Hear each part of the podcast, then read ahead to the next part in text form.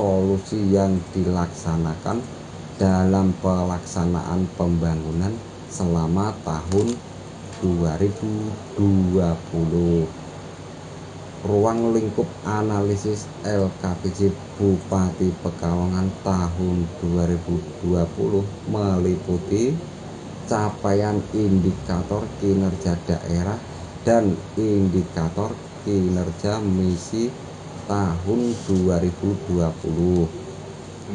capaian kinerja program daerah dalam rangka pencapaian visi dan misi capaian kinerja pelaksanaan tugas pembantuan dan penugasan capaian kinerja program dan kinerja keuangan berdasarkan laporan perkembangan data umum Kabupaten Pekalongan yang disajikan dalam dokumen